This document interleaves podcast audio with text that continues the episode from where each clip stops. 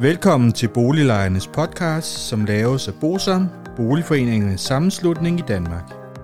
Bosam er en engageret og aktiv lejeorganisation, som har specialiseret sig i at bistå og rådgive beboerorganisationer i private udlejningsejendomme og afdelingsbestyrelser i almen boligejendomme. Formålet med Boliglejernes podcast er at informere lejerne om nogle af de problemstillinger, som vi ved, at mange lejere ofte spørger om samt at give mulighed for, at nogle aktuelle problemstillinger bliver belyst ud fra et lejerperspektiv. Boliglejernes podcast er lavet af lejere til lejere.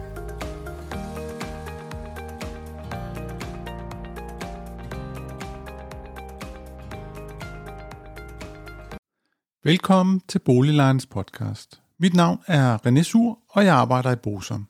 I dag skal vi have en podcast omkring, hvorfor at vismændenes konklusion er forkert.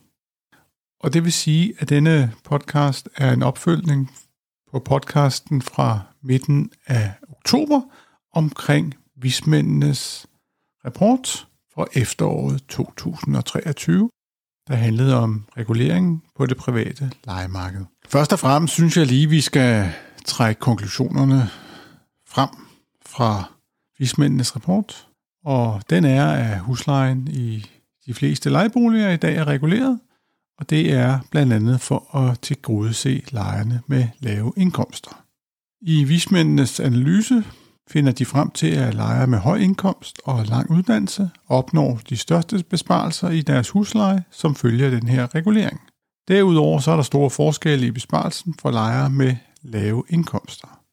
Reguleringen til godser dermed ikke lejere med lav indkomst særligt præcist. Derudover så fandt mismændene også ud af, at reguleringen af huslejen medfører, at der kan opstå et dårligt match mellem lejeboligerne og lejernes ønsker.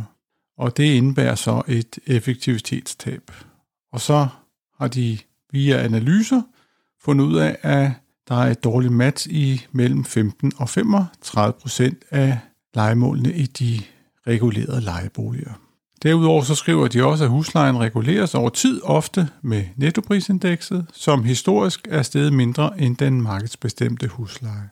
Og derfor mener vismændene, at det vil give et bedre match og dermed et mindre effektivitetstab, hvis huslejen i højere grad følger udviklingen i den markedsbestemte leje.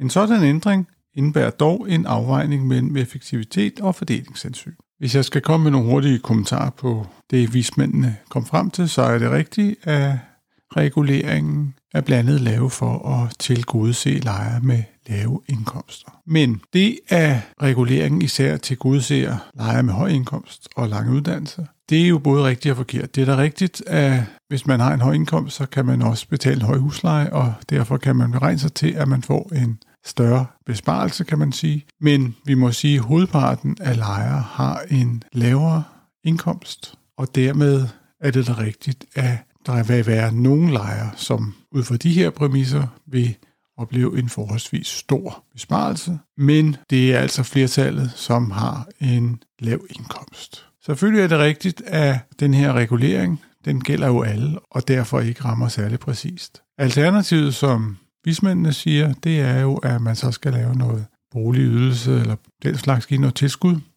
Der må vi bare sige, at det belaster jo statskassen, og det skal alle være med til at betale. Og det er jo også værd at bemærke, at de jo heller ikke fortæller, hvor meget det så skal koste statskassen. Med hensyn til, at de mener, at den her regulering, den medfører det her dårlige match, så må jeg jo sige, det kunne man jo løse med, at man fik en reel bytteret. Fordi det, der jo blandet er problemet, det er, at gamle fru Hansen, som bor på tredje sal i en stor lejlighed, hun nogle gange vil opleve, at hvis hun bytter og flytter ned i stuen, så vil hendes husleje blive væsentligt dyrere, fordi at i forbindelse med et bytte, så er der jo tale om en ny kontrakt, og det vil sige, så har udlejer mulighed for at modernisere.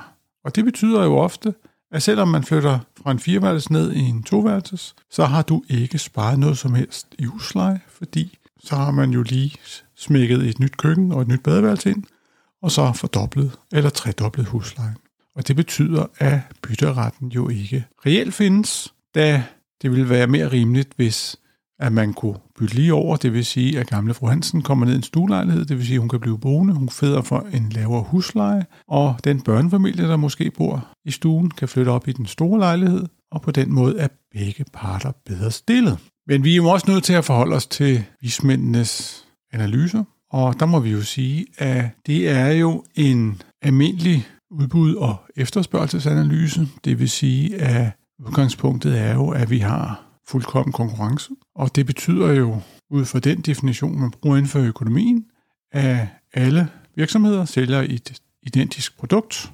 Det betyder jo, at i det her tilfælde, at alle lejligheder er ens, alle virksomheder er pristager. De kan ikke kontrollere markedsprisen. Det vil sige, at der er ikke nogen udlejer, der kan fastsætte prisen selv. Alle virksomheder har en relativt lille markedsandel. Det vil sige, at vi har ikke nogen store udlejere, som Blackstone, Heimstaden, pensionskasser eller lignende. Alle køber, det vil sige alle lejere, har komplet information over priser og vilkår og det hele, og at markedet er frit og åbent for alle. Det vil sige, at der er ingen barriere for ind- og udsreden. Og det betyder, at der er ikke noget indskud, og der er ikke de her kæmpe fraflytningsregninger, som vi ser. Det er udgangspunktet. Når jeg kigger mig lidt om i Danmark, så ser jeg en anden virkelighed. Jeg ser, at der er tre lejeniveauer. Omkostningsbestemt leje, det lejedes værdi og fri leje. Jeg ser en koncentration på udlejersiden. Det vil jo sige, at Blackstone, Heimstaden og de andre kapitalfonde, de har jo købt godt og grundigt op. Pensionskasserne køber op. Jeg ser en koncentration hos administrator. Det vil sige, at de store administratorer, de køber de mindre op. Jeg ser en koncentration hos rådgiverne. Det vil sige, at der er advokathuse, der har specialiseret sig i at være rådgiver for udlejerne. Og jeg ser også, at lejere ikke har fuld information. Hvor er det, de skulle få det henne?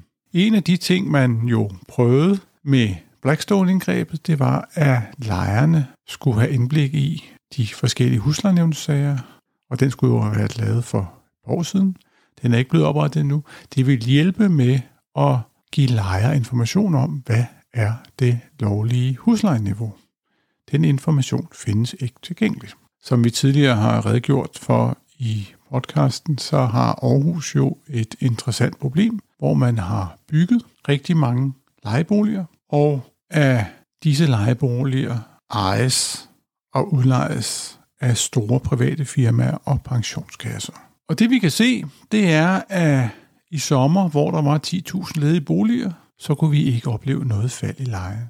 Men de forskellige udlejere, uafhængig af hinanden selvfølgelig, fordi de aftalte selvfølgelig ikke, men de gav mulighed for, at man kunne få et gavekort eller en cykel eller lignende. Og selvom der er den her overkapacitet af ledige boliger, så er lejen steget med 24,1 procent fra 2015 til 2021. Derudover kan vi også se i den boligpolitiske redegørelse for 2021, som kom fra Aarhus Kommune, at det er de store selskaber, det vil sige AS'erne og pensionskasserne, som har en høj tomgang, og for på den måde at holde lejen oppe, hvilket er min påstand. Men man kan så vente om at sige, hvorfor skulle man ellers have en tomgang, der er så høj? Vi snakker i 2020, at man havde en tomgang på 8,6 procent, og det er et gennemsnit i løbet af året for de store selskaber. Så alt i alt, så vil jeg sige, at i den analyse, der er lavet i Vismandsrapporten, den tager ikke helt højde for virkeligheden, fordi virkeligheden er, at der ikke er fuldkommen konkurrence. Virkeligheden er, at lejerne ikke har fuld information, og så derfor har vi et marked, der, hvor der ikke er fuldkommen konkurrence, hvilket selvfølgelig er med til at regulere markedet. Desværre i den her forbindelse i opadgående retning med hensyn til lejen. Og man kan se, at i andre brancher, så går monopoltilsynet ind og kigger på, om der er monopoler. Det kan være, at man på et tidspunkt også er nødt til at se på det i det private boligmarked. Men alt i alt, så må vi jo sige, at hvis man fjerner reguleringen, så vil lejen stige, og det betyder, at lejerne kommer til at betale mere i leje, hvilket gør, at udlejerne, det vil sige ejerne af udlejningsejendommene, de får en værdistigning, og det bliver igen lejerne, der kommer til at betale. Jeg håber, at det var nogenlunde overskueligt. Jeg har prøvet at gøre det så simpelt som muligt. Det er lidt svært, når man ikke kan pege på kurver og tal, fordi det gør sig ikke i en podcast. Det var det, jeg vil sige denne gang. Vi hører selvfølgelig ved på næste fredag, og indtil vi ses, så er du selvfølgelig velkommen til at abonnere på vores podcast. Du er velkommen til at abonnere på vores Facebook-gruppe. Og indtil vi høres ved, så må I da have det så godt. Hej hej.